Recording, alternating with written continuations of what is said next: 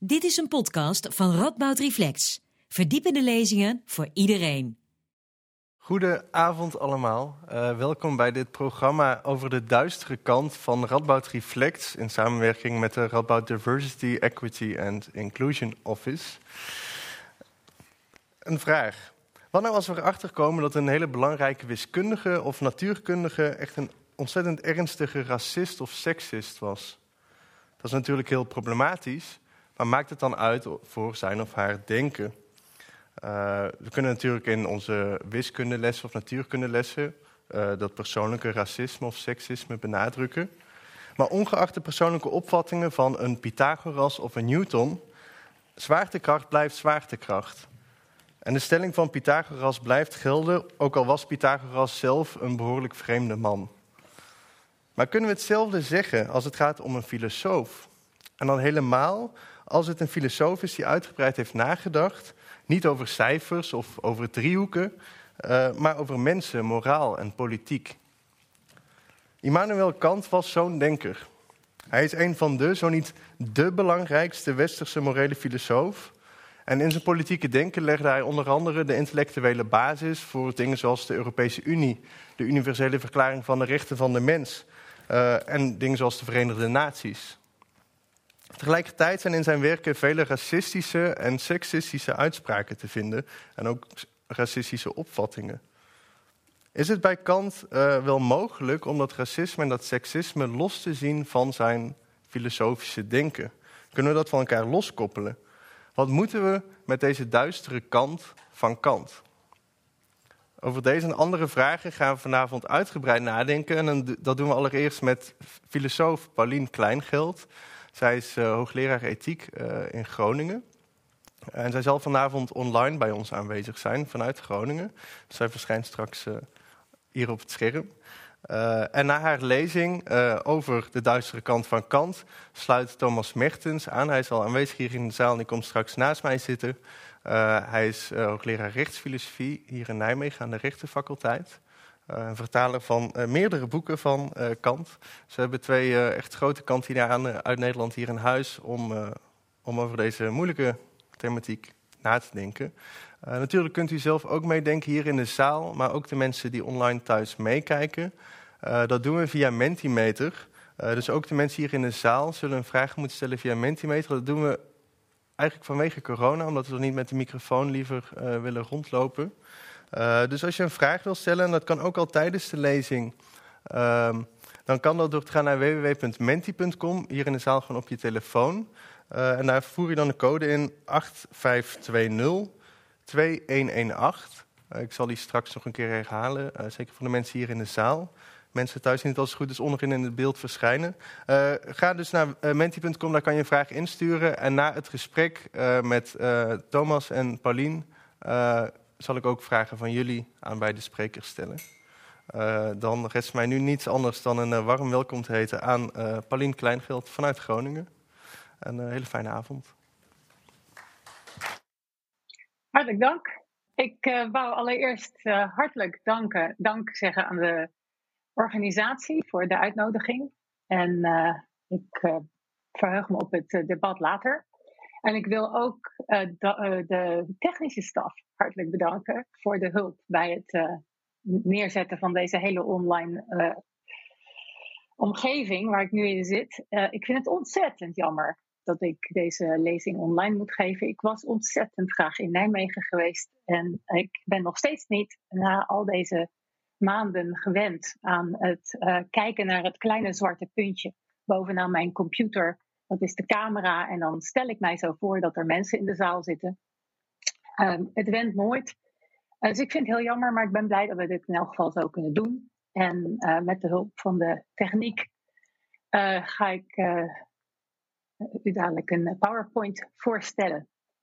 Dus ik wou beginnen met een bekend beeld, een mondkapje. En dit is mijn eigen eerste mondkapje. Het allereerste mondkapje dat ik kreeg van mijn echtgenoot. En het stelt de artikel 1 voor van de Universele Verklaring van de Rechten van de Mens. En ik zal dat even voorlezen. Alle mensen worden vrij en gelijk in waardigheid en rechten geboren. Ze zijn begiftigd met verstand en geweten en behoren zich jegens elkander in een geest van broederschap te gedragen. En ik dacht, en Wouter refereerde daar net ook al aan, dit, deze zin zou zo uit Kant kunnen stammen. Kant heeft dat niet precies zo gezegd, maar hij heeft wel de dingen gezegd die in artikel 1 staan. En ik dacht, ik begin daarmee vanavond. Om um, als, als inleiding tot het denken van Kant. Want voordat ik over Kants racisme en seksisme ga praten, wil ik ook een paar algemene dingen zeggen over waarom Kant zo'n belangrijke filosoof is. Omdat het is een, een makkelijke instap, hoop ik. Als je je kan voorstellen, die universele verklaring van de rechten van de mens, dit eerste artikel. Eigenlijk is dat uh, Kants these. Nou, hier is de oude man, uh, een verlichtingsdenker. Hij leefde in de 18e eeuw, 1724 tot 1804. Hij is super beroemd geworden met zijn kritiek van de zuivere reden. Een heel belangrijk boek dat uitkwam in 1781, maar daar ga ik het helemaal niet over hebben. Uh, de andere vier titels die hier wel staan, daar ga ik het wel over hebben. Kort, maar ik noem ze even zodat u weet uh, uit welke boeken sommige van de citaatjes komen. In 1785 schreef Kant zijn eerste uh, belangrijke moraal-filosofische werk en dat heet De Fundering voor de Metafysica van de Zeden. Een heel belangrijk boek waarin hij zijn, uh, de principes van de moraal uh, heeft ontwikkeld. En in 1788, in de kritiek van de praktische reden, deed hij datzelfde op een iets andere manier nog een keer. Dus dit zijn de belangrijkste fundamentele boeken van Kant over ja, de fundamenten van de ethiek en ook fundamenten van de rechtsfilosofie. En dan in de negentiger jaren heeft Kant nog een aantal belangrijke dingen geschreven, ook op het gebied van rechtsfilosofie en ethiek, eh, tot de eeuwige vrede en de metafysica der zeden. En ik zal dus naar sommige van die werken af en toe verwijzen. Nou, uh, hier even de manier waarop Kant de belangrijkste principes van de uh, moraalfilosofie uh, verwoordt. Hij heeft het ideaal van vrijheid, gelijkheid en lidmaatschap in een morele gemeenschap. Af en toe heeft hij het ook over broederschap, af en toe heeft hij het ook over onafhankelijkheid als derde element. Vrijheid en gelijkheid staan er altijd. Uh, en die derde is, denk ik, het beste op te vatten op de manier waarop ik het hier neer heb gezet. Lidmaatschap in een morele gemeenschap. Verbondenheid uh, tussen mensen onderling. En een ander heel belangrijk uh, punt waar Kant op gehamerd heeft en waar hij ook uh, beroemd om is, is zijn verdediging van het begrip van de waardigheid van de mens. De waardigheid van de mens is onaantastbaar. Dat begrip staat ook in artikel 1 van de uh, Universele Verklaring van de Rechten van de Mens. Het is neergekomen in een aantal, uh, opgenomen in een aantal grondwetten. En uh, wat Kant daarmee bedoelt, is onder andere dat de mens niet iets is wat louter als middel gebruikt kan worden.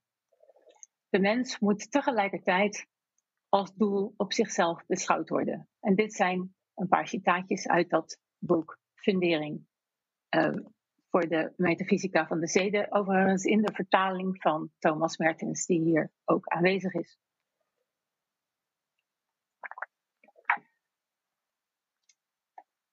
Nou heeft Kant uh, deze principes ook verwoord in een aantal kernachtige zeg maar, samenvattingen. En één daarvan ga ik hier even noemen. Dat is de één versie van Kants categorisch imperatief, of anders gezegd van een onvoorwaardelijk moreel gebod, het hoogste morele principe. En dat luidt als volgt: handel zo dat jij het mens zijn, zowel in jouw eigen persoon als in de persoon van ieder ander, altijd tegelijk als doel, nooit louter als middel gebruikt. Dus je mag een ander wel gebruiken, er is niks mis mee, dat doen wij in het dagelijks leven heel vaak. Maar het gebruik van een ander vereist diens toestemming. Um, dus je, als je een ander gebruikt zonder toestemming, um, dan uh, ja, doe je iets verkeerd. je hoort, als je nou een ander gebruikt, die toestemming te vragen en te krijgen. ook als het algemeen nut heel groot is, moet je toch alleen met toestemming anderen gebruiken. En denk maar bijvoorbeeld aan medische experimenten. Dan kunnen we denken, nou, het algemeen nut is heel erg groot als we die experimenten doen. Uh, dat is nou lastig als niet iedereen toestemming geeft. Uh, toch mag je mensen dan niet gebruiken als uh, voorwerp van medisch onderzoek zonder hun toestemming. En dan niet ehm, alleen het feit dat ze ja zeggen. Ze moeten natuurlijk weten waar ze toestemming voor geven, waar het om gaat, wat er gaat gebeuren enzovoort. Dus als je dat niet doet, en als je mensen aan medische experimenten onderwerpt zonder dat ze het weten en zonder dat ze het willen, dan is dat het gebruik van een ander als slechts of louter een middel. Emancipatiebewegingen hebben zich op dit principe vaak beroepen. Ook bijvoorbeeld in de strijd voor de afschaffing van de slavernij. Want slavernij is natuurlijk bij uitstek het gebruik van een ander mens als louter middel. Maar, en dat staat hier in hoofdletters, Kant zelf, in de tijd waarin hij dat boekje schreef, Fundering voor de Metafysica van de Zeden uit 1785, keerde zich niet tegen de slavernij van niet-witte. We hebben een heleboel ehm, tekstmateriaal van Kant en, uh, waaruit we weten hoe hij daar tegenover stond. En het blijkt dat Kant een rassenhiërarchie verdedigde. Bijvoorbeeld in zijn colleges over antropologie uit de 1780er jaren. En dit is waarom ik net even naar die jaartallen refereerde. Dat is belangrijk. In dezelfde tijd als de, de, de tien jaar waarin hij zijn uh, ethische hoofdwerken schreef, heeft Kant ook een rassenhiërarchie verdedigd. Uh, bovenaan staan de zogenaamde witte, weißen, uh, daaronder de zogenaamde gelen, de zwarten en de roden. En dit is zo ja, ruw, zeg maar, als, we, als we het krijgen van Kant. Is de terminologie die hij gebruikt. En wat zegt hij dan bijvoorbeeld? Ik geef hier alleen maar een paar voorbeeldjes. Uh, ik ga niet de hele uh, theorie in alle details uiteenzetten, maar uh, om een indruk te geven, de oorspronkelijke inwoners van Amerika, dus de zogenaamde Roden volgens Kant, kunnen zich in het geheel niet ontwikkelen. Hij dacht uh, dat ze niet geneigd waren staten te vormen, dat ze niet geneigd waren uh, de landbouw uh, zo te organiseren als hij als Europeaan dacht dat dat zou moeten. Hij beriep zich daarbij op bepaalde beschrijvingen die hij dan las over Amerika natuurlijk. Hij was zelf daar nooit geweest. Uh, maar dit was wat hij daar dan uit overhield. Mensen uit Afrika zijn staan een stapje hoger op de ladder. Die zijn, zoals Kant zegt, en ik citeer, ongeschikt voor taken waarvoor verstand vereist is. Maar ze kunnen wel worden getraind. Dus ze staan wat dat betreft volgens Kant hoger op de ladder dan de zogeheten Roden of de oorspronkelijke inwoners van Amerika. En mensen uit Zuidoost-Azië hebben meer talenten, maar ze kunnen niet abstract denken. Dus ze kunnen wel heel veel meer, maar niet abstract denken mensen uit Europa. En in sommige teksten uh, uh, breidt Kant het uh, bereik van het, zogenaamde witte ras uit tot ook volkeren in Noord-Afrika en West-Azië. De witte hebben alle aanleg en alle talenten. Nou, dit is Kant en dit zijn statements die je vindt in een hele serie teksten. Kants antropologiecolleges, ontzettend uh, populaire colleges die Kant bijna elk jaar gaf. En dus we hebben ook heel veel tekstmateriaal daarvan. En in al die colleges was ook altijd een kopje over uh, de karakterisering van de rassen. En dat is waar Kant elke keer dit soort dingen uh, zei.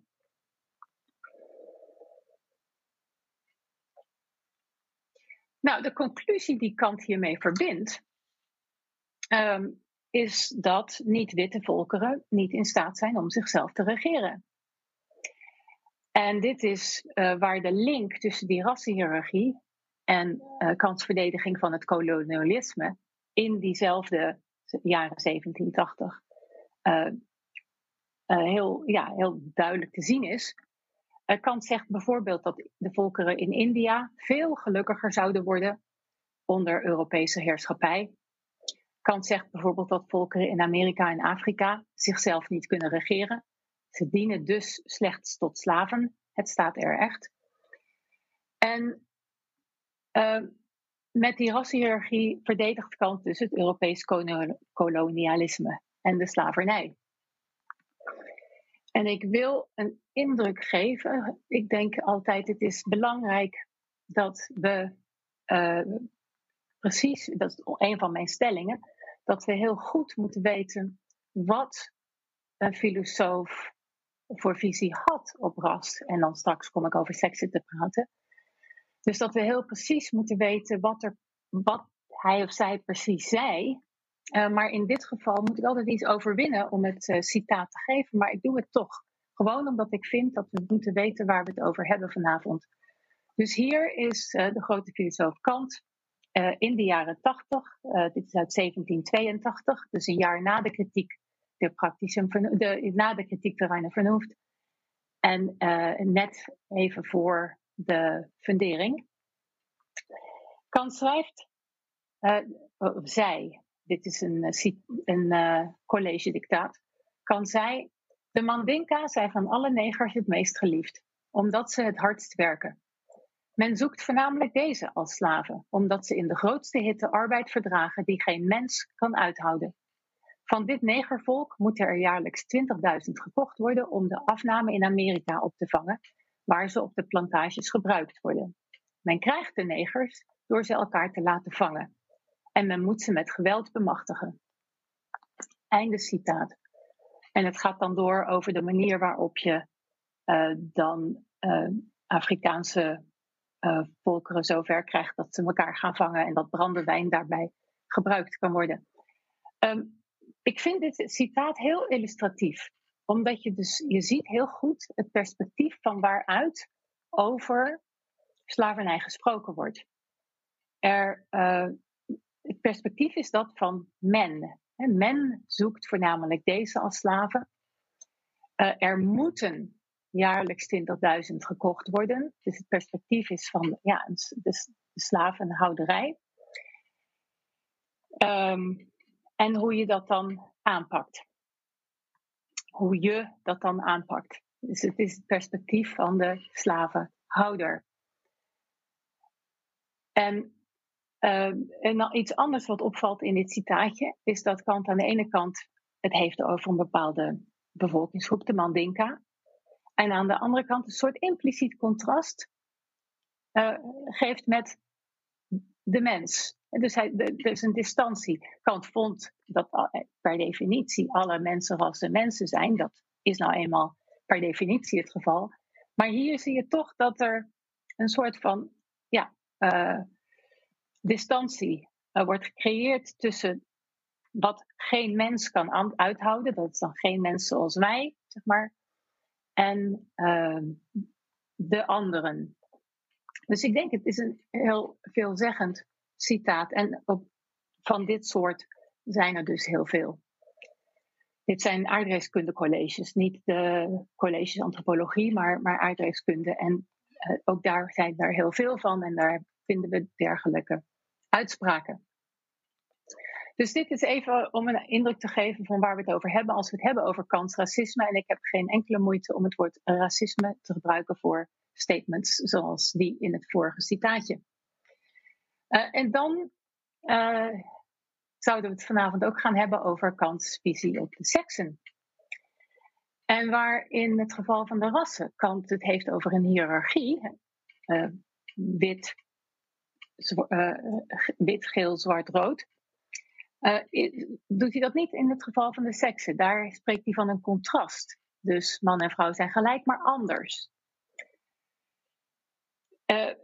maar het is wel zo dat als je dan kijkt hoe Kant verder schrijft over de mens en de morele bestemming van de mens en de, de menselijke deugd en hoe de mens zich dient te gedragen, dan zijn dat allemaal uitspraken die passen bij wat Kant ook zegt over mannelijke deugd en hoe mannen zich dienen te gedragen. Dus de vrouw blijft toch een beetje de ander. Uh, mannelijke deugd valt dus samen met deugd überhaupt. En mannen zijn, kunnen moedig zijn, hebben het aanleg voor zelfbeheersing enzovoort. Uh, vrouwen hebben dat allemaal niet. Uh, vrouwen zijn van nature bang. Van nature, hè, dat heeft de voorzienigheid zo ingericht. En vrouwen zijn van nature gericht op schoonheid in plaats van moraliteit. En Kant zegt dan ook dat wel de bedoeling is dat mannen ervoor zorgen dat vrouwen dan dat doen wat goed is. want dat gaat niet vanzelf, want ze zijn gericht op schoonheid en niet op het goede. Dus dat moeten mannen dan, die moeten die vrouwen subtiel of minder subtiel uh, zover krijgen dat ze doen wat goed is. En ondertussen uh, vervullen vrouwen ook de rol dat ze mannen dwingen om zich een beetje goed te gedragen en fatsoenlijk eh, te worden. Dus vrouwen hebben ook wat dat betreft een, nuttige rol. Maar uh, het is wel degelijk zo dat Kant dus het heeft over twee vormen van deugd, mannelijke deugd en vrouwelijke deugd. En dat die vrouwelijke deugd zich niet echt lekker verhoudt tot uh, wat Kant zegt over hoe mensen in het algemeen zich horen te gedragen. En in zijn hele vroege werk zegt Kant zelfs letterlijk met zoveel woorden dat er niks van plicht en niks van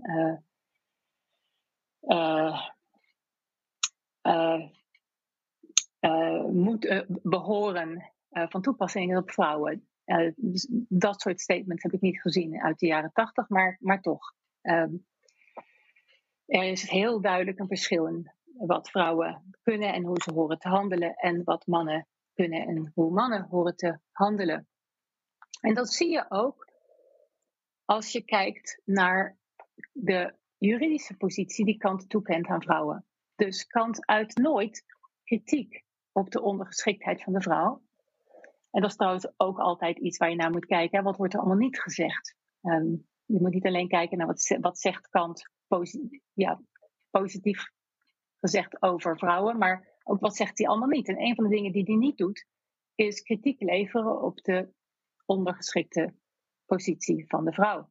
Integendeel, hij zegt dat op grond van zijn natuurlijke superioriteit de man het recht heeft om te heersen over de vrouw. Hij, hij is haar herheer en heerst. Alle vrouwen zijn passieve burgers, dat wil zeggen ze hebben geen stemrecht, geen handelingsbekwaamheid enzovoort. En dit is uit de Metafysica der Zeden, dat laatste grote moraal-filosofische werk van Kant.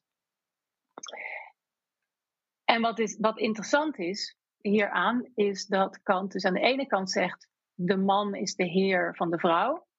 En dat hij tegelijkertijd, als hij zijn algemene principe formuleert, zegt wel elke mens heeft een ingeboren recht op vrijheid. Ieder mens heeft dat aangeboren recht op vrijheid. Dat is een recht op onafhankelijkheid. Dat is een recht erop dat je je eigen heer en meester bent. Um, en niet van een ander afhankelijk bent. Dus aan de ene kant zie je dat Kant een algemeen principe heeft waarin hij spreekt over de rechten van ieder mens. En tegelijkertijd als puntje bij paaltje komt en we gaan kijken wat zegt hij nou eigenlijk over de vrouw, dan blijkt dat de vrouw dat recht eigenlijk niet heeft, want die krijgt geen stemrecht, heeft geen handelingsbekwaamheid en is afhankelijk van een heer. Nou, dan hebben we dus nu een, eh, een indruk van wat Kant zegt over rassen en seksen. En dan is vervolgens de vraag: wat nu? Wat doen we met een denker uh, zoals Kant, die aan de ene kant uh, belangrijke dingen heeft uh, gezegd en geschreven, en aan de andere kant ja, racistische en seksistische uitspraken heeft gedaan. En hier is een plaatje van Kant, het beroemde standbeeld voor de universiteit in Kaliningrad, dat besmeurd is met verf uh, niet trouwens vanwege zijn seksisme of racisme, maar dat had iets te maken met de naam van een nieuw vliegveld uh, in Kaliningrad. Maar het is toepasselijk hier, uh, zeker in het licht van de hele discussie over cancelen die we gezien hebben afgelopen jaar. Nou, laat ik eerst even zeggen dat die visies die Kant had op ras en seksen niet onomstreden waren in Kants tijd. Er wordt soms wel eens gezegd, nou ja, god, ja, die man kon ook niet anders, want hij wist niet beter. Maar dat is niet helemaal juist. Dus Kants rassentheorie bijvoorbeeld werd al aangevallen door Georg Forster, een hele bekende publicist. een, iemand die heel activistisch inzette voor de beëindiging van de slavernij. Hij had met Captain Cook om de wereld gezeild, dus hij wist ook waar hij het over had. Hij had volkeren overal op aarde gezien. Hij wist hoe uh, mensen elders in de wereld zich gedroegen en hoe je met ze kon communiceren. En um, vond het dus grote onzin uh, wat Kant daar te berde bracht. En dat heeft hij ook gezegd. slavernij was omstreden. Slavernij is denk ik altijd omstreden geweest. Maar het was zeker zo in Kants tijd. Um, en Kant en Forster hebben zelfs een discussie uh, gevoerd via papers over kwesties die te maken hadden met uh, ras. Ook al ging dat meer over de biologische uh, aspecten van ras en niet zozeer over de aspecten van uh, intellectuele en handelingsvermogens. Nou, dat was Forster. Kant had een vriend, een van de vele vrienden, Theodor Gottlieb van Hippel, een tijdje burgemeester van Koningsberg, regelmatige lunchvriend van Kant. Die schreef een feministisch boek ter bevordering van de emancipatie van de vrouw. Dus hier is het boekje van Van Hippel. Over die burgerliche Verbesserung der Weiber, dat wil zeggen over de verbetering van de status van de vrouw als burger. En dat was mogelijk in 1792. En hier hebben we Van Hippel. Hij staat helemaal in het midden van het beeld. Dus niet de meneer die uh, links staat, dat was de bediende, maar de meneer die uh, helemaal in het midden staat. Dat is Van Hippel en die had daar lunch met Kant. Kant is die meneer die, uh, die iets zit voor te lezen. Dus ja, je kan je voorstellen dat ze het daar ooit over gehad hadden. Er waren ook vrouwen die Kant aanspraken en met Kant over de Franse Revolutie wilden spreken. En Kant die hield dat af en die wilde alleen over recepten spreken. Dat is althans hoe de anekdote aan ons is overgeleverd. En hier hebben we Georg Forster, die onder andere uh, kansindeling uh, een beetje belachelijk maakte. Door te zeggen, de meeste oude indelingen van de menselijke soort zijn al lang geleden verworpen. De vier kleuren, wit, zwart, geel, koper, rood. Wie denkt er vandaag de dag nog in zulke ouderwetse termen? Dat zei Forster. Uh, en uh, daarbij had hij vast wel Kant in gedachten. Dus allereerst er was meer te koop op de markt van ideeën dan uh, dat wat Kant verdedigde. Uh, maar dat geeft ons natuurlijk nog geen antwoord op de vraag: hoe gaan we nou met deze racistische en seksistische uitspraken om? Wat, wat doen we daarmee? En dat is mijn eigen belangrijkste vraag. En daar wil ik ook graag vanavond dan verder met u over praten. En er zijn twee hoofdreacties op kans racisme en seksisme. Er is natuurlijk ook de reactie uh, van uh, mensen die het helemaal met Kant eens zijn. Um, daar ga ik nou even niet verder op in. Ik ga in op de twee reacties van mensen die het met Kant oneens zijn en die uh, zich daar ja, een houding innemen ten opzichte van dat racisme en seksisme. En je kan eigenlijk twee kanten op. Je kan drie kanten op, dat ga ik laten zien. Maar er zijn twee kanten waar mensen tot dusver heen gaan. En dat is ten eerste uh, de visie dat Kant een consistente ongelijkheidsdenker is, althans zo noem ik dat dan. En ten tweede de visie dat Kant een inconsistente gelijkheidsdenker is. Dus je kan denken, en Charles Mills, en daar ga ik zo even nog een citaat van geven. Charles Mills heeft bijvoorbeeld beweerd dat we Kants categorische imperatief, die Kant van toepassing, die Kant zo schreef alsof die betrekking zou hebben op alle mensen, Mills zegt, die moeten we gewoon omformuleren naar wat het eigenlijk is, namelijk een principe dat Kant alleen van toepassing acht op witte mannen. Uh, en dan is Kant dus gezien als een ongelijkheidsdenker, iemand die ervan uitgaat dat mensen ongelijk zijn en die daar heel consistent in is. Als je hem zo vertaalt, zoals Mills dat uh, voorstaat. Je kunt natuurlijk ook zeggen: nee, dat is niet juist. Kant uh, was een gelijkheidsdenker. Dat is duidelijk van al zijn principes. Maar ja, hij was inconsistent. Dus op bepaalde punten uh, heeft hij uitspraken gedaan die in tegenspraak zijn met zijn hoofdprincipes. Uh, en ik zal straks wat voorbeelden geven van de filosofen die dat hebben beargumenteerd. Bijvoorbeeld David McCabe, Helga Varden, Marie Mikkola, die zeggen: we moeten ons richten op Kants algemene principes. En laten we die seksistische en racistische uitspraken uh, maar terzijde schuiven. Natuurlijk moeten we erkennen dat die er zijn, maar uh, dat heeft niet onze belangstelling. Nou, hier is Charles Mills. Die is vorige maand uh, helaas overleden. Hij zou naar Nederland komen in dit voorjaar. Charles Mills heeft hele goede dingen geschreven over Kant en Kants racisme. En hij heeft de stelling verdedigd dat er geen spanning is tussen Kants racistische uitspraken en Kants algemene morele principes. En dat is een, een, een uh, stelling die, die Mills dus heel ja, al lang en op veel manieren heeft verdedigd. En hij zegt er bestaat geen spanning. De vermeend universalistische Kantiaanse egalitaire stellingen, hè, waar Kant het heeft over de rechten van alle mensen, die moeten echt worden vertaald als zijnde in hun rijkwijde beperkt tot de witte mannelijke minderheid. Dus we moeten gewoon kansprincipes zien voor wat ze zijn. Uh, principes voor witte mannen. En Mills schrijft ook: de racistische teksten zijn deel van kanstheorie. Ze staan daar niet in tegenspraak mee. Dus dat is één manier om ermee om te gaan. En een, uh, ja, te zeggen, we moeten Kant vertalen naar wat we weten over hoe die tegenover racisme en seksisme stond. Aan de andere kant heb je dus de mensen die zeggen: nee, Kant was een gelijkheidsdenker, een universalist. Hij dacht dat er ja, principes waren die. Hij schreef dat er principes waren die voor iedereen gelden. En uh, hij heeft weliswaar ook in sommige werken ook die seksistische en racistische dingen gezegd. Maar um, ja, dat is perifeer en uh, voor ons niet interessant. Of zoals McCabe het verwoordt, hij zegt: Het is onduidelijk waarom we geïnteresseerd zouden moeten zijn in iemands denkbeelden, behalve wanneer het waarschijnlijk lijkt dat die filosofisch belangrijk en vruchtbaar zijn. En dat geldt zeker niet voor kansdenkbeelden met betrekking tot ras.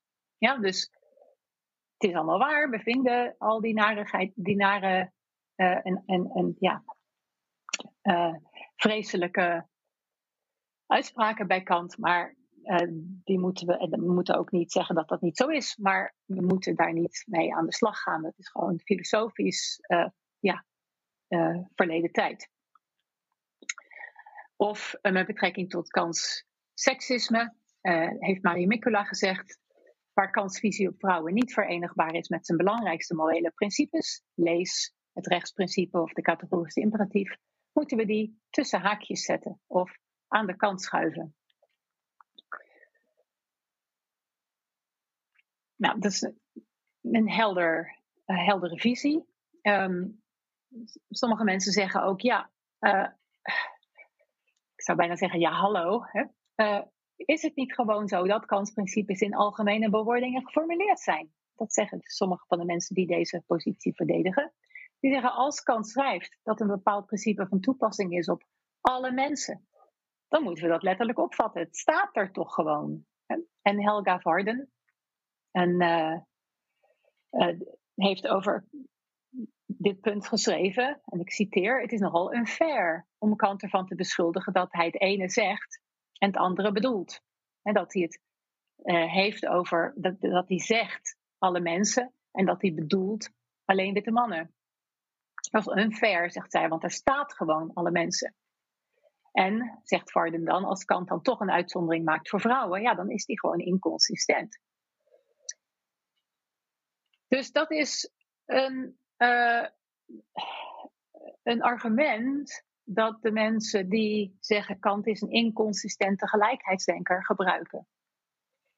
Het probleem is echter, en zeker met dit laatste punt, uh, waarbij je zegt, ja, daar staat toch gewoon ieder mens. Hè? Hoe kunnen we dat dan niet serieus nemen? Of, uh, moet, en moeten we dat niet gewoon letterlijk opvatten? Het probleem is dat dat niet per se uh, duidelijk is dat dat werkelijk geldt voor 18e eeuwse teksten. Dus als je naar 18e eeuws taalgebruik kijkt en naar uh, genderneutraal taalgebruik, dan kan je zien dat het inderdaad zo is dat met algemene termen vaak vrouwen niet werden bedoeld. Althans, um, uh, kijk maar bijvoorbeeld naar de verklaring van de rechten van de mens, man, homme in Frans en burger, dus de beroemde verklaring in het Frans uit 1789. Daar staat wel de verklaring van de rechten van de mens, als je om als mens vertaalt. Maar uh, de rechten die daarin genoemd worden, ondanks het feit dat ze hier door twee dames uh, met vleugels uh, worden geïntroduceerd, die rechten golden niet voor vrouwen. En er waren vrouwen, Olympe de Gouges bijvoorbeeld, die die rechten opeisten voor vrouwen, maar dat is niet gelukt. Dat heeft nog heel lang geduurd. En die rechten gelden ook niet voor niet-witte in de Franse koloniën. Frankrijk had koloniën en um, daar, werden, daar, daar heerste slavernij. Dus uh, daar heb je een voorbeeld van een statement in algemene bewoordingen waarvan het heel duidelijk is dat het niet, uh, dat in de toepassing het niet gold voor vrouwen en niet-witte. En dus ook voor niet-witte vrouwen, uiteraard. En dat zien we bij Kant ook. Als je naar sommige teksten kijkt, dan zie je dat kinderen bij Kant uh, zich ontwikkelen tot mannen. Met de jaar als ze ouder worden. Of jongelingen, sorry voor die typfout hier. Of heren. Bijvoorbeeld, hier is een citaatje. Er bestaan gevallen van mensen, en daar gebruikt Kant het woord mensen, dus een algemene term, die van kindsbeen af, dus weer een algemene term, kindheid, genderneutraal, verdorvenheid tonen en die blijven verergeren tot in hun jaren als volwassen man. Mannesjaren. Je ziet een voorbeeldje, en daar zijn er heel veel van, waarbij een kind, genderneutraal, of een mens, genderneutraal, uh, toch uiteindelijk een man uh, blijkt te zijn. En dan heb ik nog een, een Nederlands voorbeeld, dat, um, dat ik ja, ook uh, nog even wil noemen, van hoe dit werkt. Dus Aletta Jacobs, die uh, was arts. Ze betaalde belasting. En ze was op de hoogte van de vereisten voor het kiesrecht in 19e eeuws Nederland. En de eisen voor het kiesrecht waren geformuleerd in termen van wat gold voor de ingezetenen van Nederland. Er stond niet mannelijke ingezetenen. Er stond ingezetenen van Nederland, die moesten aan bepaalde eisen voldoen. En als je dat deed, dan uh, kwam je in aanmerking voor het kiesrecht. En Aletta Jacobs, die voldeed aan die eisen, vond zij. Dus zij vroeg, uh, zij ging naar de rechtbank en vroeg om um, kiesrecht.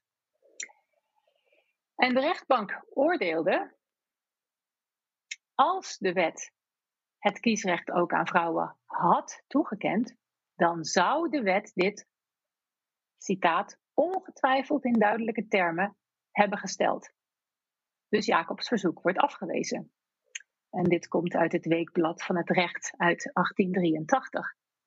Wat je dan dus ziet is dat de algemene term, uh, genderneutrale term, niet op vrouwen van toepassing, uh, uh, op vrouwen toegepast werd.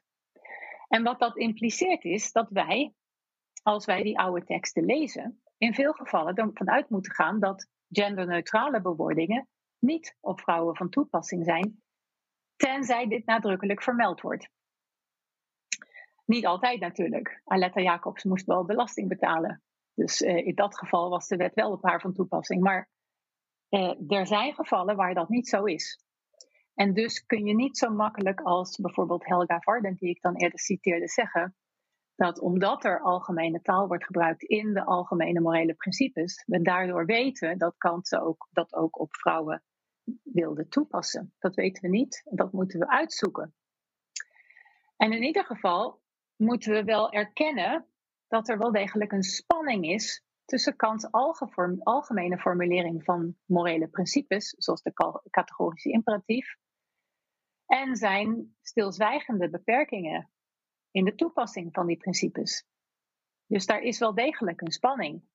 En als we doen wat Mills, Charles Mills voorstelt, uh, dat wil zeggen als we de categorische imperatief vertalen in een principe voor witte mannen, dan verliezen we één pol van die spanning.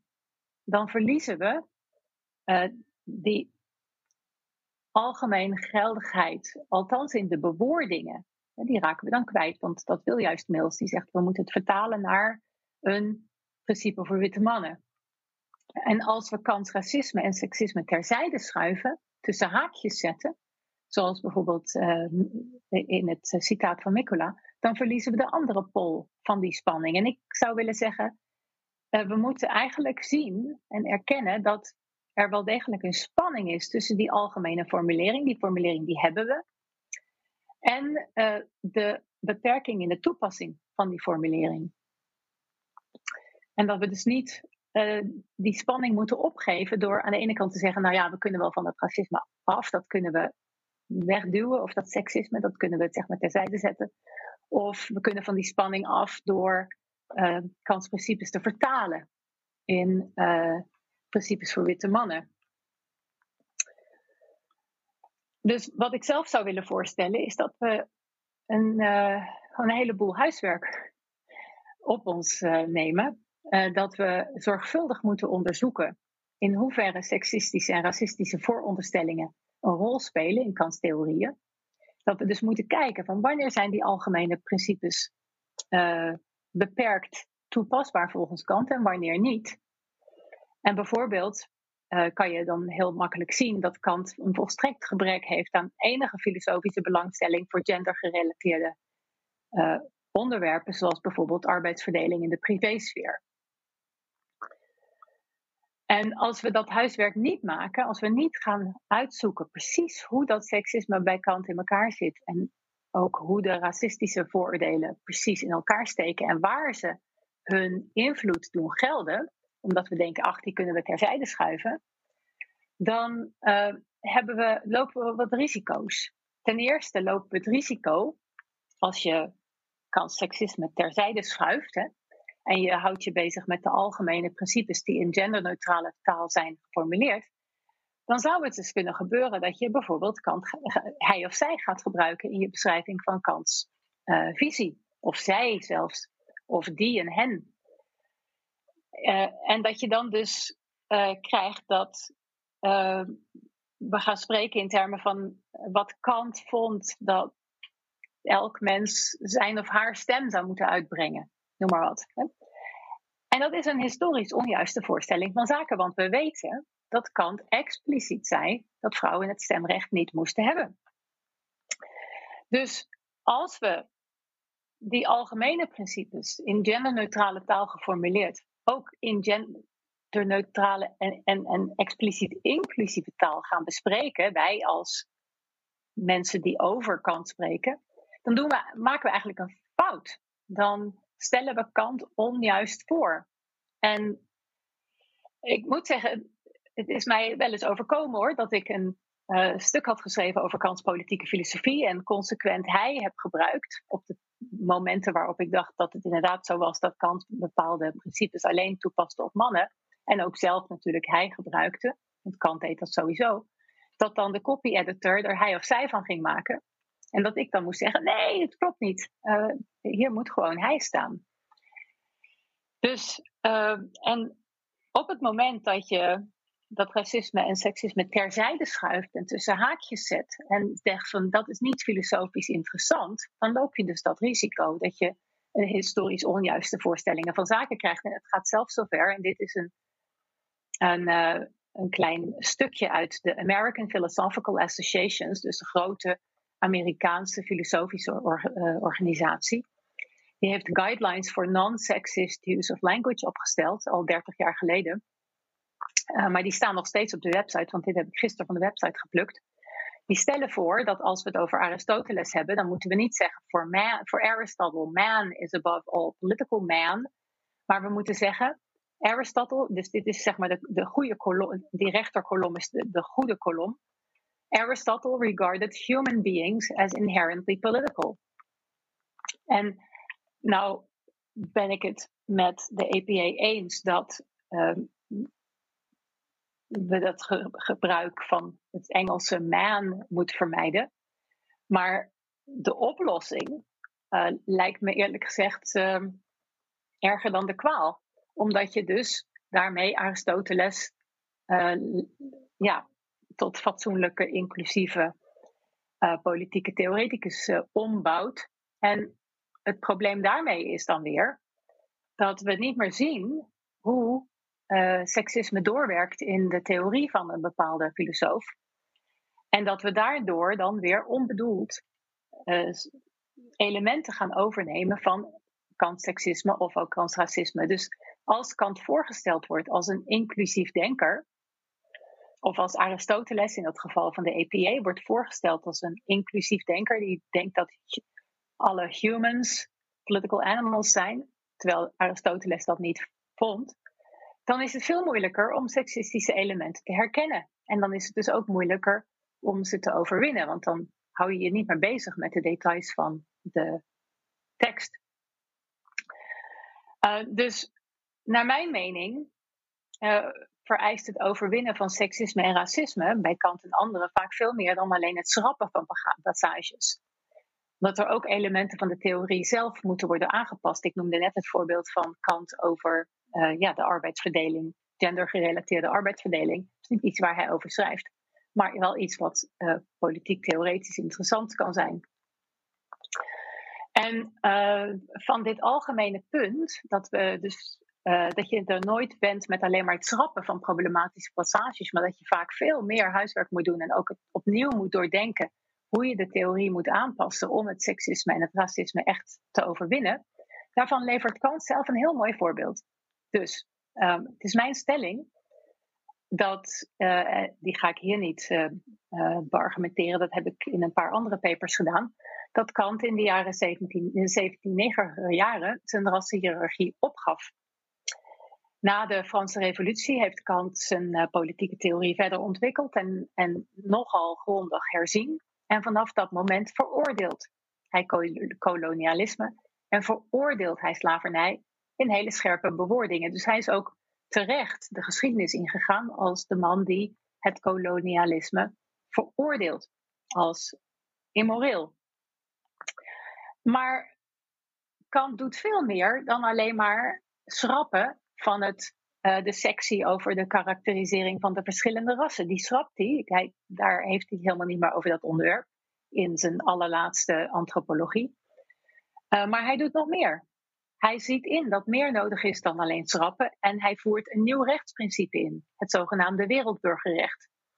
En dat is dus een heel nieuw principe in, uh, hier in Zum Ewigen Frieden, ook in de metafysica van de zeden. Ik noem dit eventjes omdat uh, Zum Ewigen Frieden een heel beroemd boek is en omdat we er ook een mooie vertaling van hebben, ook van Thomas Mertens, by the way. En um, Elwin uh, van Edwin van Elden, sorry. Uh, dus in dat boek voert Kant voor het eerst die notie van het wereldburgerrecht in, op basis waarvan hij kolonialisme veroordeelt. Dus hij heeft een nieuw rechtsprincipe op basis waarvan hij dat kan, kan doen. Dat wereldburgerrecht geeft juridische status aan mensen, waar dan ook op aarde. En het verbiedt expliciet het kolonialisme en imperialisme.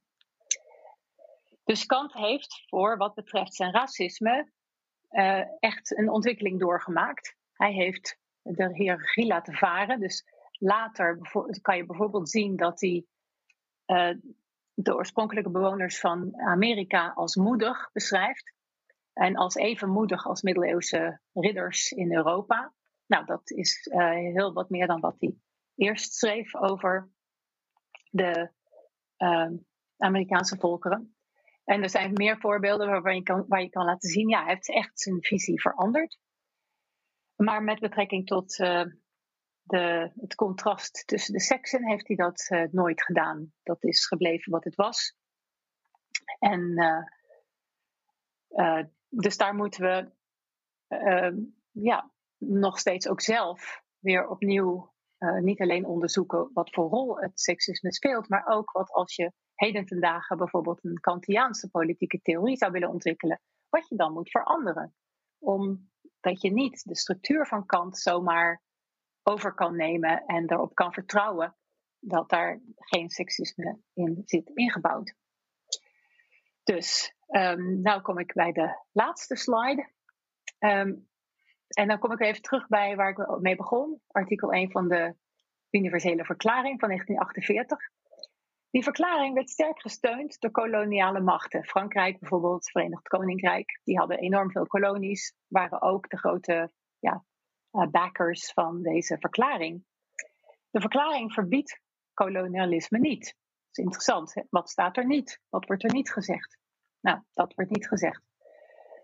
Antikoloniale vrijheidsbewegingen hebben zich echter wel op de algemene principes van de universele verklaring kunnen beroepen. Dus dat, uh, die rol heeft de verklaring wel vervuld. En later zijn er dan eh, VN-resoluties en internationale verdragen gekomen na de dekolonisatie, waarin het recht op zelfbeschikking expliciet is opgenomen. En je ziet een soort gelijke dialectiek, zeg maar, um, ook in de geschiedenis van de vrouwenemancipatie. Je kan gebruik maken van de spanning die zit tussen algemeen geformuleerde ethische of juridische principes, die dan te beperkt in hun tijd, te beperkt of door de auteur te beperkt worden toegepast. Maar omdat die principes algemeen zijn geformuleerd, kan je als groep op wie ze nog niet worden toegepast, er toch je op beroepen. Zoals dan ook is gebeurd in het geval van Kant. Dus ik uh, dank u voor uw aandacht en zie uit naar de verdere discussie.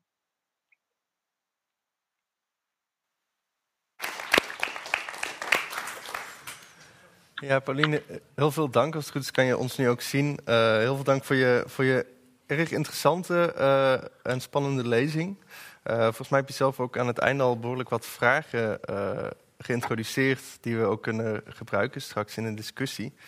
Maar ik wil eigenlijk beginnen met een, een vraag naar, naar Thomas, die ook, ook deels terugverwijst naar jouw lezing. Want het mag inmiddels wel duidelijk zijn voor het publiek dat Thomas meerdere werken van Kant heeft vertaald. Er liggen er hier al, al drie. Uh, en er is ook zeer recent uh, een nieuwe vertaling uitgekomen van de hand van Thomas en Willem van der Kuilen. Die ligt ook hier.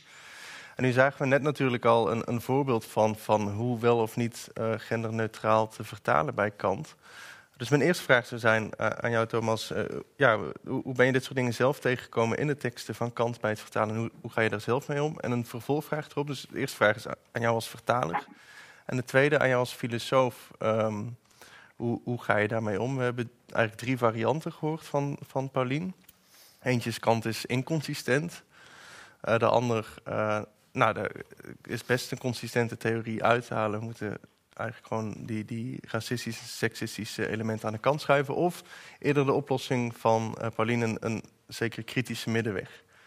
Um, ja, eh, deze avond zit al lange tijd in de planning. En de bedoeling was dat we dat live zouden doen. En dat zouden we al een tijd geleden doen. En dat is allemaal uitgesteld. De uitgever van uh, onze kantboeken, die uh, uitgever zit in de zaal.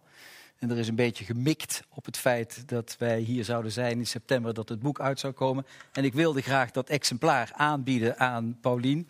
Maar dat moet helaas moet dat, via de, moet dat via de post gebeuren, omdat Paulien door de omstandigheden die ze zei hier helaas niet aanwezig kan zijn. En dat was heel, uh, wat zal ik zeggen, dat zou heel uh, gepast zijn geweest om het aan te bieden. Het is een nieuwe vertaling van het beroemde geschrift Wat is verlichting? Maar er zitten een paar andere, er zitten een paar andere teksten bij die Willem van der Kuilen en ik hebben vertaald en heel uitvoerig ingeleid en met name Willem heeft enorm veel zoekwerk gedaan naar de bronnen van Kant. Dus ik denk dat er ook teksten bij zitten waar in welke vertaling er ook niet zoveel bronnen zijn gevonden dan in die van ons of die van hem. En daar zit um, een vertaling in van een van de teksten van Kant over dat ras. Er zijn drie teksten waarin Kant expliciet dat probleem van ras uh, benoemt. Er zijn ook wat uh, verspreide opmerkingen die Kant maakt over het ras. En een van die teksten van Kant, en die valt toevallig tussen twee andere beroemde teksten die Kant over de geschiedenis heeft geschreven, is in onze vertaling bepaling van het begrip van, het, van een mensenras. Dus het was heel gepast geweest als ik dat boek aan Paulien hier had kunnen overhandigen, omdat wij toevalligerwijze net zijn bezig geweest met het vertalen van een aantal teksten. En ook een van die teksten bij de, uh, bij de kop hebben gevat. Om, en dus hebben we over de problemen waar Paulien het over heeft gehad, hebben wij het natuurlijk zeer uitvoerig uh, gehad. We hebben natuurlijk daar uitvoerig over nagedacht wat we daarvan zouden moeten vinden.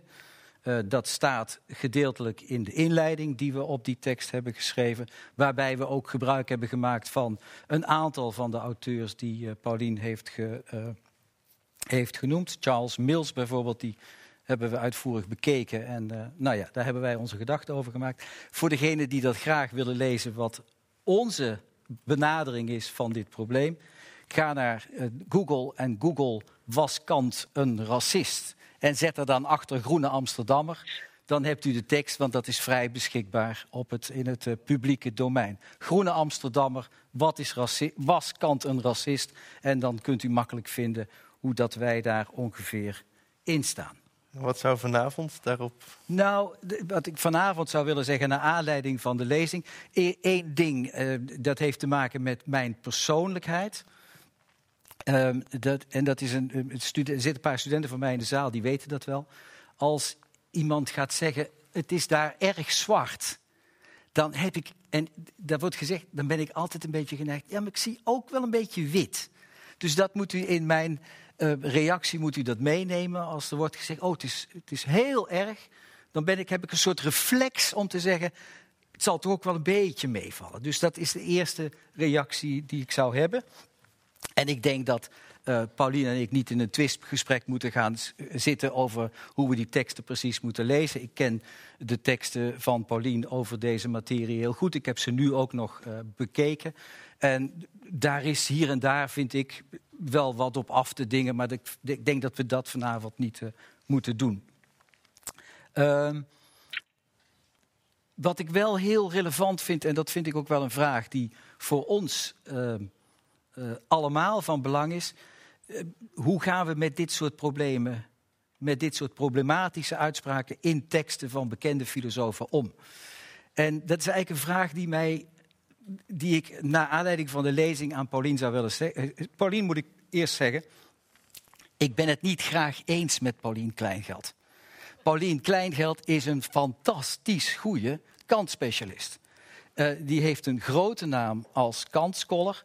En als er goede kansscholars zijn, en ik ben, ben waarschijnlijk niet zo'n hele goede kansscholar, maar dan ben ik het daar niet graag. Dus ik ben het niet graag oneens. En ik dacht dat we het misschien minder oneens waren met elkaar dan we misschien nu. Oh, daar, daar uh, we, we misschien, nee, mag ik nog één ding zeggen? Dan, dan kom ik uiteindelijk pas bij mijn punt. Mijn vraag is: wat doen we met de klassieke auteurs? Wat doen we met de auteurs uit de klassieke kanon? Waarin we van alles en nog wat. Dat voorbeeld van die APA, dat was natuurlijk leuk. Maar vertalen bij, eh, het vertalen van Aristoteles' principe man as human being, dat is natuurlijk niet zo, want Aristoteles heeft een hiërarchie van man en vrouw. Dus bij Aristoteles zitten we met hetzelfde probleem. Bij Thomas van Aquino zitten we bij een soortgelijk probleem. Bij Kant zitten we bij een probleem. Ik heb ooit een tekst gemaakt over Hegels geschiedfilosofie. Nou, Kant is heilig in vergelijking met de inleiding op de geschiedfilosofie, want die hiërarchie is heel expliciet. Dus er zijn heel veel uit Plato, als we naar Plato, naar de Politeia kijken. Er zijn hier ongetwijfeld mensen die de Politeia een beetje uh, kennen. Ik vind het een geweldige tekst. Maar jee, oh jee, wat zijn er boeken zijn waar de eugenetica en zo. Dat is allemaal. Dat zijn, dus mijn vraag is wel, wat doen we met dat soort, uh, wat doen we met dat soort uh, Ehm, teksten. Wat doen we met die teksten uit de klassieke mm kanon? Ik heb daar wel een opvatting over, maar laten we daar nog even niet. En mijn vraag ook: heeft het nog zin als auteurs dat soort uh, teksten uh, uh, opschrijven, om ons überhaupt nog voor die teksten te interesseren? Heeft het nog zin om bijvoorbeeld, Paulien heeft niet lang geleden een geweldige tekst geschreven over uh, hoe dat, wat, wat die, die klassieke formulering van de categorisch imperatief. Je mag de een niet, als, niet enkel als middel, maar altijd als doel op zich. Wat dat precies betekent. Heeft het nog zin om je daarvoor te engageren? Om te proberen te begrijpen wat die principes zeggen. Als je weet dat degene die die principes heeft geformuleerd. dit soort racistische of seksistische. daar kan ik ook nog wat over zeggen tegelijkertijd dit soort uh, opvattingen heeft. Um, ja, dankjewel. Uh, misschien toch voordat we naar, naar Pauline gaan, ben, ben, ik toch nog wel even heel benieuwd uh, naar, uh, terug naar mijn eerdere vraag. Dus we hebben die drie posities gehoord van Pauline. Ja. En is er nou een van die posities waarvan je zegt, nou daar, daar kan ik me wel achter scharen? Of, of misschien zeg je, nou er is nog een vierde positie en die neem ik in? Dat is duidelijk gekoppeld aan mijn vraag, de vraag die ik stel. Wat doen we met de geschiedenis van de filosofie? Ja. Wanneer dit soort auteurs, dit soort in het werk van dit soort auteurs, dit soort opmerkingen te vinden. Ik maak er nog één opmerking bij. Heel veel van de bronnen, en dat heeft Pauline in haar lezing ook nu gezegd, heel veel van de bronnen zijn te vinden in de voorlezingnotities van Kant. En ik moet u dan eerlijk zeggen, er zijn een paar studenten. Ik hoop niet, het zal ook niet gebeuren uh, met, mijn, met mijn status, dat later um, studenten van mij gaan opschrijven wat voor foute dingen ik allemaal wel niet in mijn college. Tegenwoordig ben ik er denk ik voorzichtiger mee, omdat ik weet dat er nou allerlei telefoontjes kunnen zijn. Dan kan die, ik zeg heel veel verkeerde dingen. En ik zeg ook vaak natuurlijk in mijn college notities, gebruik ik auteurs die ik bespreek met die studenten, zonder dat ik me daar noodzakelijk mee, dat dat noodzakelijk een reflectie is van de positie die ik heb.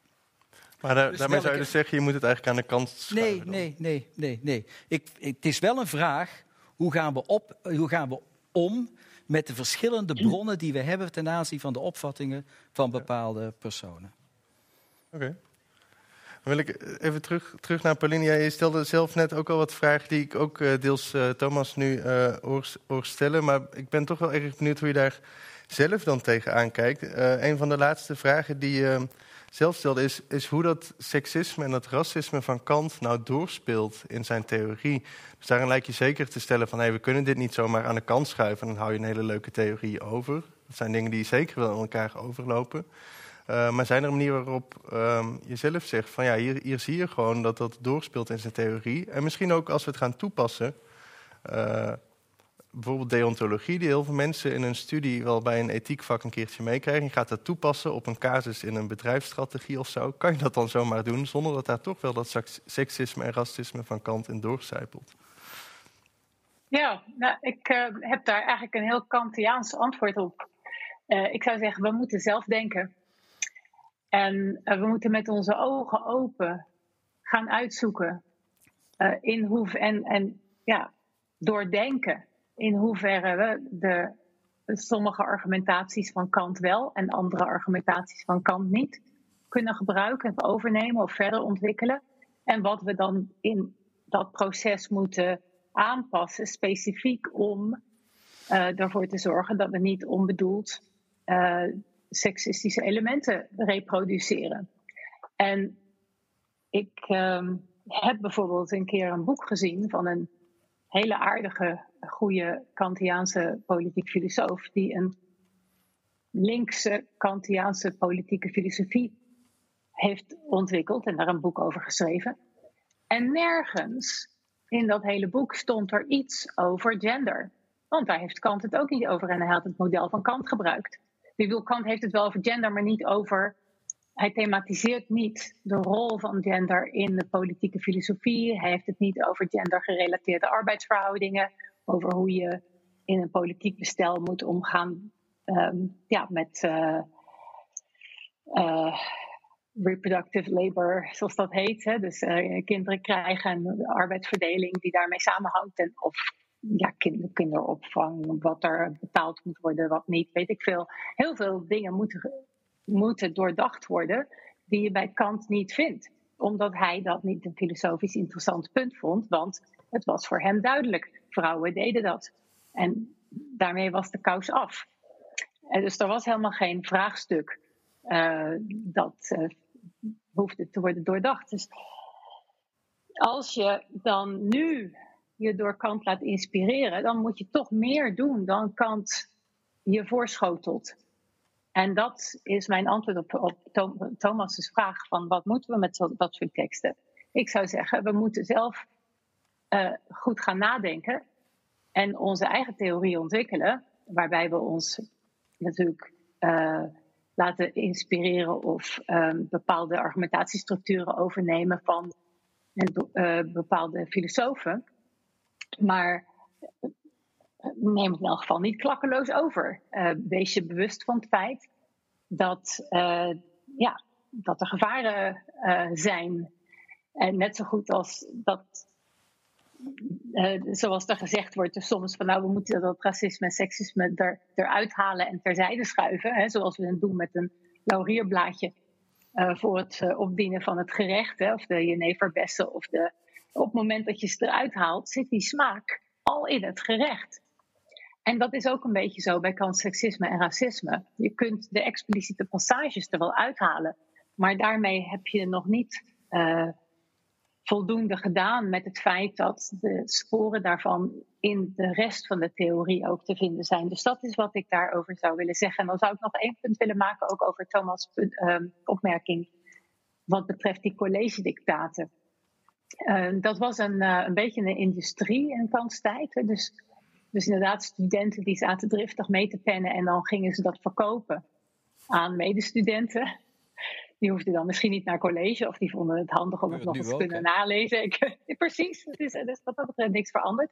Maar daardoor hebben we dus heel veel college-dictaten nog van kant en ook van redelijk goede kwaliteit. Want die mensen deden echt hun best om het met een soort stenen op te schrijven. Dan gingen ze het thuis overschrijven zodat ze dat konden verkopen. Dus dat, daar hebben we daardoor best wel veel van. En we vinden dezelfde visie ook in gepubliceerde teksten. Dus wat betreft die rassenhierarchie bijvoorbeeld, is er ook um, een, een tekst van Kant uit 1788, dus uit hetzelfde jaar als het jaar waarin de, van de kritiek de praktische uh, reden.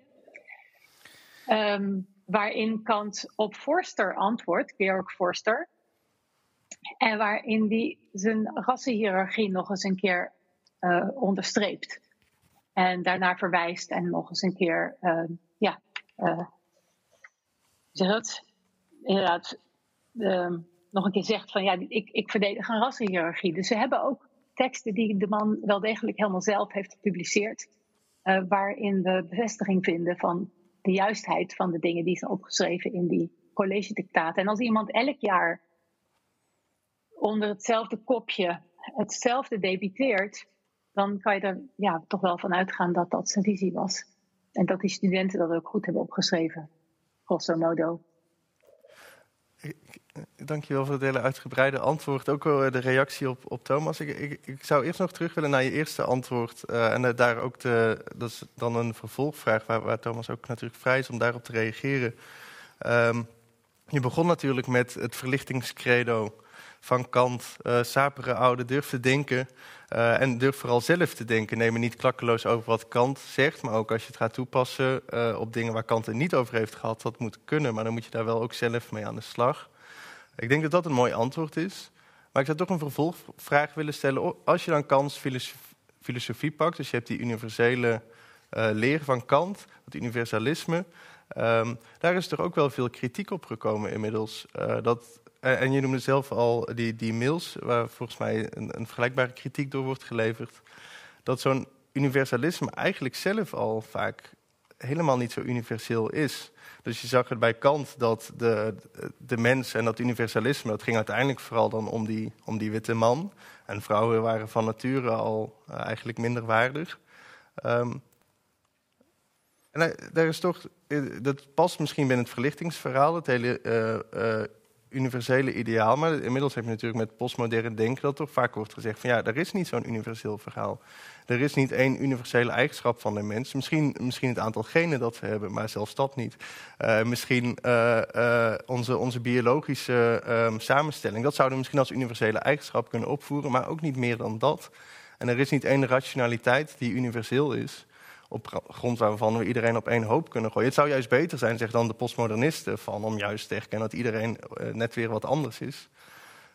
En om een vraag dan concreet te maken, uh, dus hoe werkt dat seksisme en racisme door in kans denken? Kan je dat loskoppelen? Zit dat niet ook ingebakken in dat universalisme? Of zouden uh, jij, Pauline, maar ook, Thomas zeggen van... nee, we moeten wel echt hard achter dat universalisme, dat universele rationalisme blijven staan? Ja, ik zou zeggen dat is werk in uitvoering. En dat universalisme. En als je kan laten zien dat Kant het zelf niet uh, ver genoeg heeft doorgevoerd, dan is dat op zich weer een, uh, beweging binnen dat universalistische discours. En dat je zegt, oh, dat moeten we verbeteren, want dat was niet universeel genoeg. Hè? Uh, waarbij dat universalisme natuurlijk anderzijds nooit zo moet worden opgevat dat het op, elk detail uh, een moreel oordeel plakt. Het gaat bij Kant om algemene principes die altijd in bepaalde specifieke contexten moeten worden toegepast. Dus wat je niet krijgt is een soort homogene wereld waarin iedereen op precies dezelfde manier handelt. Wat je wel krijgt zijn een paar basisprincipes, onder andere dat principe dat slavernij moreel verwerpelijk is. En uh, ik zou wel willen zeggen dat dat een uh, universeel moreel principe is. Uh, hoe je dat onderbouwt is dan natuurlijk vers 2. En daar hebben we dan toch wel minstens een avond voor nodig om het daarover te hebben. Daar heeft Kant een eigen insteek. Die heeft een hele uh, bijzondere en vind, ik vind interessante argumentatie ontwikkeld. Uh, met betrekking tot de vraag hoe je überhaupt morele normen kan verdedigen. En hij zegt verdedigen, heel specifiek. Hij zegt je kunt dat nooit bewijzen. Je kunt nooit een moreel systeem bewijzen. Maar je kunt het wel verdedigen tegen aanvallen van de postmoderne bijvoorbeeld.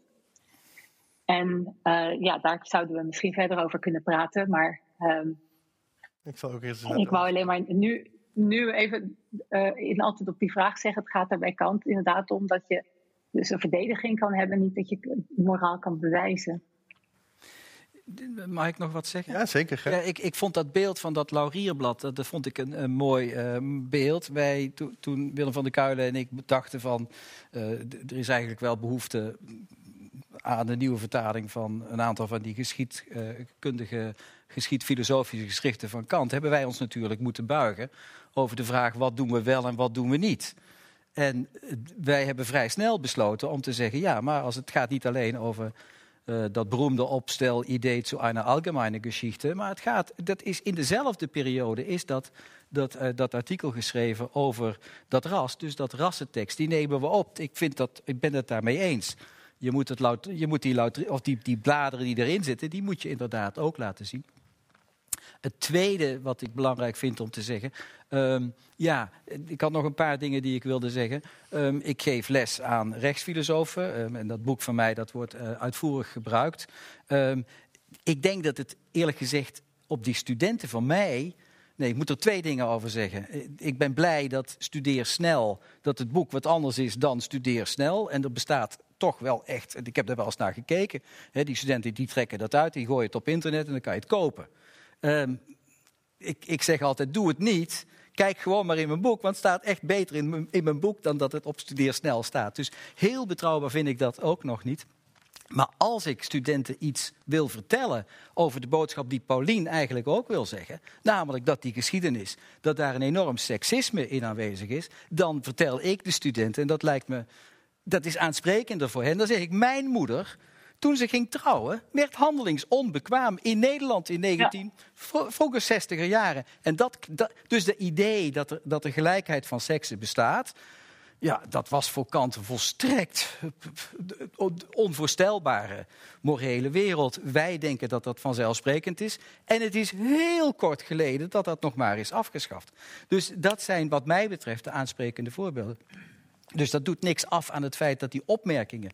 Mag ik nog één ding? Paulien gebruikt één citaat. En dan vertelt ze, dat komt uit een vroege tekst van Kant. En dan zegt ze, nou, er is een, een deugd van de vrouw en een deugd van de man. En sorry hoor, die deugd van de man, ja, die heeft de vrouw eigenlijk niet. Maar dan zegt hij erbij, ik hoop dat ik er geen aanstoot, dat ik mensen niet beledigd daarmee.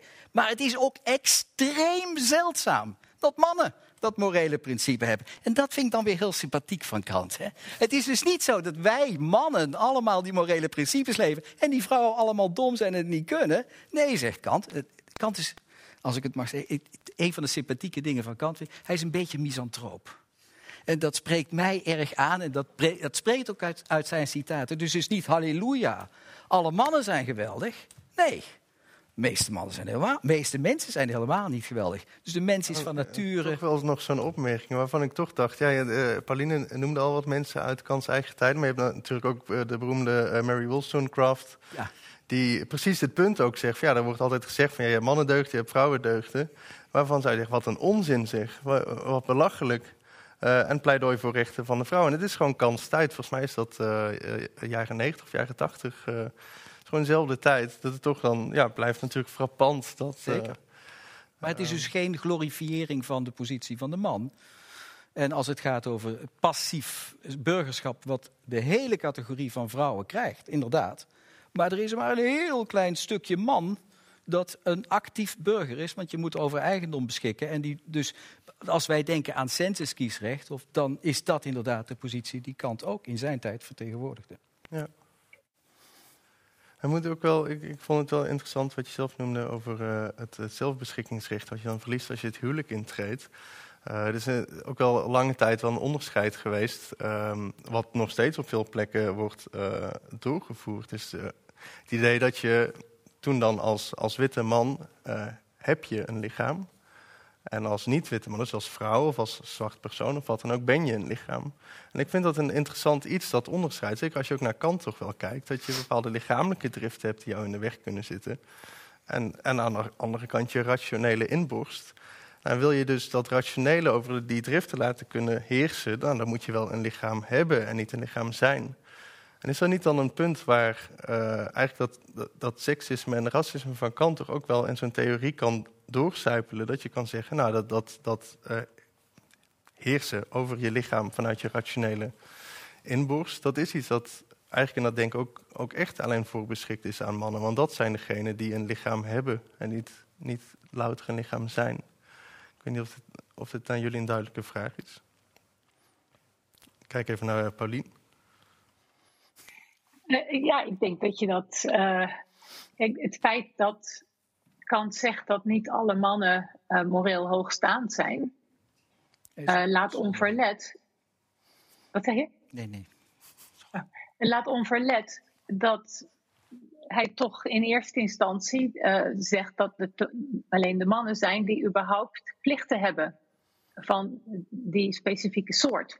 Hè, als die dat echt zo, zo sterk heeft beweert. Ik moet zeggen dat ik niet weet of Kant dat later op diezelfde uh, sterke, uh, ja, extreme manier heeft geformuleerd. Dat heb ik niet gevonden. Maar hij heeft nergens voor de emancipatie van de vrouw zich uitgesproken.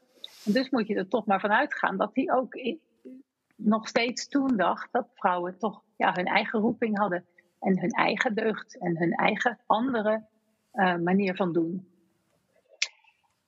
En ik, ja, als Kant daar een genuanceerder beeld over zou hebben gehad, dan had hij natuurlijk veel uh, ergens moeten zeggen van jongens, de manier waarop we, hier nu mee omgaan in het onderwijs, in de uh, rechtsorde, dat, dat, dat kan helemaal niet. Nou, dat hoor je hem nooit zeggen.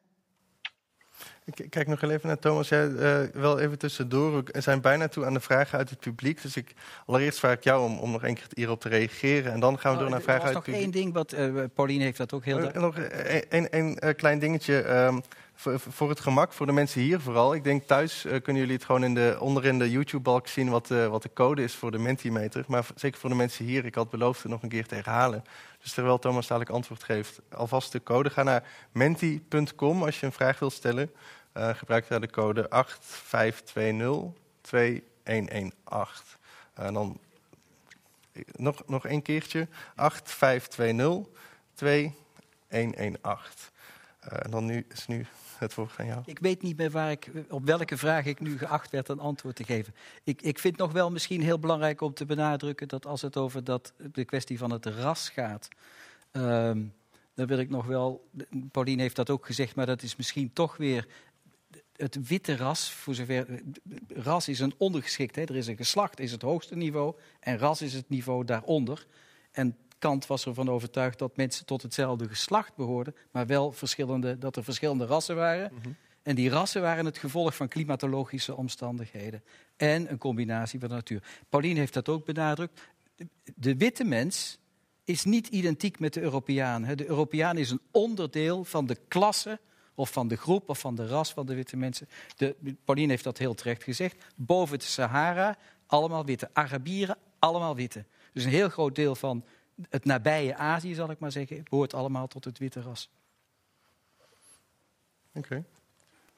Ehm, wil je nog, nog iets verder reageren op? Eh, dan ga ik eh, door naar de vraag uit de publiek. Ja, ik zie dat er best wel. Eh, we hebben op dit moment. En het, de teller loopt op 26 vragen. Dus ik ga ze sowieso niet allemaal kunnen beantwoorden. Ik probeer er een paar interessante en gevarieerde uit te kiezen. Um,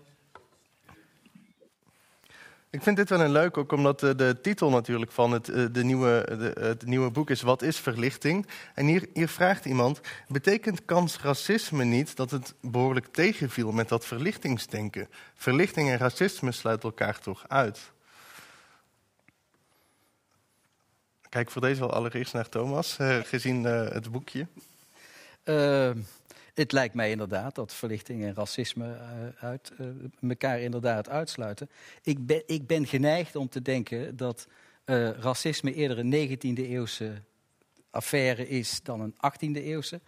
Dat, dat racisme van Kant, die rassentheorie, vooral te maken heeft met, wat zal ik maar zeggen, de, de, ontdekkingen van, de etnografische ontdekkingen die in die tijd werden gedaan. Maar die koppeling aan die, aan, wat zal ik maar zeggen, dat die rassen ook dan moet ik voorzichtig zijn met hoe ik het formuleer. Ik doe dat liever op schrift dan dat ik het zeg. Maar dat het racisme, dus ook het, begrip racisme, dat is iets van de 19e eeuw en niet zozeer iets van de 18e eeuw. Wordt waarschijnlijk voorbereid, maar die biologische component. Dus ehm, dat er ook, daar is ook de, het probleem met Forster, is dat Forster geen aanhanger is van de monogenese. En eh, je kunt monogenese, de theorie van de monogenese aanhangen, en tegelijkertijd racist zijn, dat kan. Dus er zijn allerlei varianten mogelijk. Maar Forster was geen aanhanger van, mono, van monogenese. Dat het allemaal zou afstammen van één oorspronkelijk menselijk. Dat er één menselijke soort of geslacht zou zijn. Kant was die opvatting wel toegedaan. Dat sluit niet uit dat die racistisch kan zijn. Maar de uitgewerkte vorm van racisme die vinden we pas in de 19e eeuw. En misschien nog één ding als ik dat mag zeggen. Ik vind dat belangrijk. Ik, ik moest vanmiddag moest ik, uh, een lezing geven in uh, Kamp Vught over concentratiekampen en over de holocaust. En um, ik ken die literatuur relatief goed. Uh, ik heb ook naar al die, die foute geschriften van de nazi's gekeken. Zelden of nooit een verwijzing naar de raciale theorie van Kant. Wie, ik vind het spijtig om te moeten zeggen, wie prominent bij de nazi's als racist naar voren wordt geschoven, dat is Nietzsche. En Kant niet. Kant is de liberaal. Voor de nazi's is Kant verkeerd. Die moet eruit. Maar toch, en daarmee richt ik dezelfde vraag nog een keer naar pa Pauline. Heb je natuurlijk ook het, het, het boek uh, uh, van uh, Horkheimer en Adorno over de verlichting. Om het dan ook aan de nazisme te koppelen. Waarin ze toch zeggen, nou dat zit eigenlijk wel ingebakken in ja. dat verlichtingsdenken. En in dit geval ook de, de, de horror van de Tweede Wereldoorlog. Maar misschien even goed dat racisme en seksisme. Nou, dat is hun, hun positie. Dus de vraag dus aan Paulien, dezelfde vraag van, van, van sluiten dat racisme en de verlichting elkaar niet gewoon uit? Uh, dat kan je denk ik wel zo zeggen. Maar die verlichting is, zoals ik eerder ook zei, werk en uitvoering. Ja. Dus uh, Kant articuleert een bepaald ideaal van wat verlichting is, maar dat betekent niet dat hij het ook zelf meteen geheel in de praktijk brengt. En interessant genoeg is het dus in het geval van Kant zelf zo dat hij wel degelijk in de uh, loop der tijd begint in te zien dat zijn eigen rassenhierarchie onhoudbaar is. Dus dat onderstreept eigenlijk dat idee, want dit, dit is een proces, dit is een uh, ja, werk en uitvoering. En je kan dat in Kants eigen biografie zien. Ja. Ik er nog één ding aan? Heel kort. Nou ja, als Kant in 1784 was is Aufklärung publiceert, dan zijn we al aan het einde van de Aufklärung. Hè? Want we, we, bewegen ons nou naar de 19e eeuw. En daar vindt een enorme ideeën, geschiedenisachtige omslag plaats. We zijn al op weg naar de romantiek. Hè? Dus uh, zijn die verenigbaar? Ja, het is een historische periode die we bekijken. En die wordt opgevolgd door een andere historische periode. Dus misschien is dit wel de laatste, de, de laatste gong voordat er een andere periode ja. in de geschiedenis van het denken begint. Ja. En dan opent hij, het, en jij weet het beter, maar de tekst opent natuurlijk ook met verlichting als de bevrijding uit de Ja. onmondigheid die we Ja. onszelf opleggen. Dus het is zeker een, een, een Dus taak om onszelf de romantiek te is, verbeteren. staat aan de deur, die staat te wachten. Ehm, ja, ik, ik ga ondertussen eh, verder naar een, naar een volgende vraag. Eh, ik, ik probeer ze een beetje eh, eruit te kiezen, maar het zijn ook moeilijke vragen, moet ik zeggen. Ehm, Het is ook een moeilijke materie. nou, ik vind dit wel een, een, een, een interessante. of je ook kan zeggen dat Kant ehm, eh, vooral naar vrouwen keek binnen zijn eigen sociale klasse. Dus dan komen we toch terug op die historische vraag van... Hey, was dat ook niet gewoon de, de historische context? En hebben we natuurlijk gehoord dat er ook theorieën waren... waar Kant waarschijnlijk mee bekend was... die zeker feministisch te noemen zijn. Ehm, maar toch, zou je niet ook kunnen zeggen dat hij eh, vooral keek naar vrouwen binnen zijn eigen sociale klasse? En ik kijk allereerst naar Paulien. Eh, dat, dat kan je natuurlijk zeggen, maar zelfs binnen zijn eigen sociale klasse waren er dus blijkbaar vrouwen die hem eh, vroegen om een gesprek op, over filosofie, over de Franse Revolutie. En Kant wilde het gewoon niet doen. Dus ja, dan is dat een soort eh, willful ignorance, zoals het heet. Als je dan dus niks wil weten over vrouwen, doordat je je ogen sluit en niet met ze in gesprek gaat, ehm, dan dat, dat is dan zo. Kant was natuurlijk ook bekend met eh, vrouwelijke wetenschapsters. Hij was zelf een wetenschapper, hij was een filosoof, maar hij was ook een astronoom en eh, natuurwetenschapper. En hij, er waren hele goede vrouwelijke wetenschappers in die tijd. En Kant schreef daarover dat hij daar liever niks mee te maken wil hebben. Dus hij beschreef ze als een soort van ehm, ja, aberraties, monster, monsterlijke wezens die eh, ja, ontaard waren. Dus niet eh, de orde van de natuur volgden. Dus dat waren mensen in zijn eigen omgeving. En hij keek daar op die manier naar. Maar dat had natuurlijk ook anders eh, gekund. Ja, hier ook misschien ter aanvulling daarvan. ehm, in zijn huwelijksrecht is natuurlijk de man degene die uiteindelijk de beslissingen neemt. Maar het huwelijk gaat tussen twee gelijke partners. En Kant wijst, er zijn allerlei vormen, in het huwelijksrecht allerlei vormen van huwelijken die gesloten kunnen worden. En een, eentje die hij noemt is het morganistische, morganastische, of hoe spreek je dat goed uit? Huwelijk, waarbij eh, de, eigendom van de man bewaard bleef. Dus er was een huwelijk en dat heet morganatisch. Ik weet niet waar dat begrip vandaan komt. Misschien weet Paulien waar dat begrip vandaan komt. Maar dat was het feit dat er wel getrouwd werd, maar dat er geen gemeenschappelijke boedel was. Dat de vrouw dus nooit aanspraak kon maken of de kinderen aanspraak konden maken op het eigendom. Dat was om te zorgen dat die eigendom bij elkaar bleef. Kant wijst dat heel Want dat- expliciet af. Want dat is een huwelijk tussen verschillende standen. Ja. En in het huwelijk moeten man en vrouw qua Ja. zeggenschap en qua rechten niet naar buiten, maar naar binnen gelijk zijn. Ook gelijk qua eigendom. Dus ze hebben gelijk, ze hebben gelijk, ze hebben gelijk eigendom. En ja, maar nou gaan we te ver. Nou gaan we naar kant ook nog over seks. Dat moeten we misschien niet doen. Maar de, de, de twee partners in het huwelijk moeten gelijk zijn. Alleen moeten ze in de representatie naar buiten. Ja, moet iemand, het voor het, moet iemand de contracten kunnen sluiten. Om een huis te kopen bijvoorbeeld. Maar er mag geen huwelijk zijn waarbij de vrouw, de positie van de vrouw.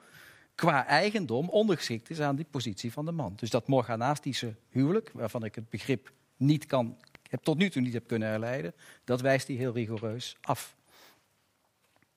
Ja. Nee, ja, Desalniettemin is het zo dat de man dus de handelingsbekwaamheid heeft en de vrouw niet. Zeker. En eh, dat zij dus als een soort ehm, eeuwige Britney Spears eh, onder, eh, ja, voor alles toestemming moet vragen aan een man, de vader of een broer of, of de echtgenoot als ze die heeft. Ik zou nog naar één laatste vraag toe willen. En dan is de tijd helaas alweer om. Ik vind het een goede vraag om af te sluiten, omdat die lekker algemeen is. Of het wat breder trekt.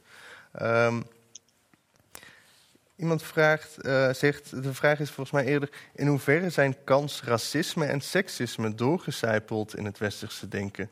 Eh, aangezien vele academici aan de slag gingen om kansbewegingen te bewijzen. En daar wil ik dan aan toevoegen van, nou inderdaad, je kreeg veel, veel Kantiaanse denkers, maar ik denk dat je geen Europese filosoof kan vinden vandaag die niet op de een of andere manier kans metafysica of moraal mee heeft genomen.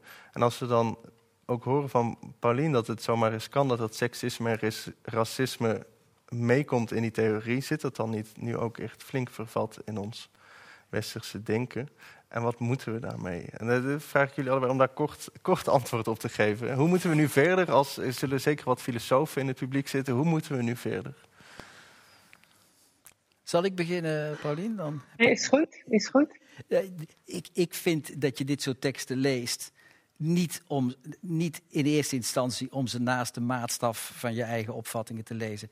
Als ik Kant lees, dan ben ik benieuwd naar wat een 18e eeuwer vindt. Als ik Hegel lees, dan ben ik benieuwd. Als ik Thomas van Aquino, die ik heel graag lees, een super analytisch, geweldige filosoof. Daar staan allerlei dingen om die wij niet vinden.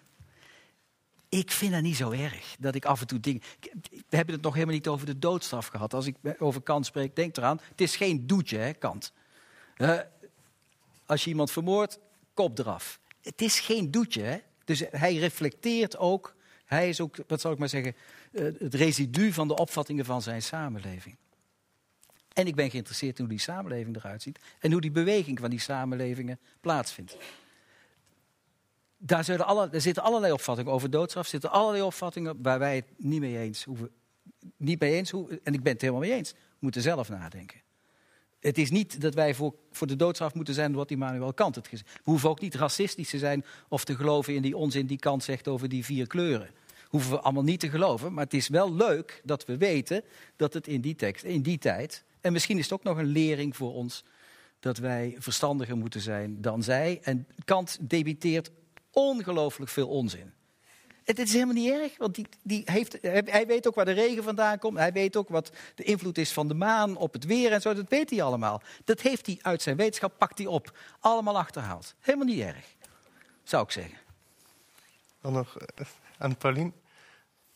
Ja, als ik, als ik Kant lees, dan ben ik benieuwd uh, hoe steekhoudend bepaalde argumenten zijn, wat we daarmee kunnen in het heden. Bijvoorbeeld met dat principe dat we anderen niet louter als middel mogen gebruiken. Hè? Hoe, wat kunnen we daar nu nog mee?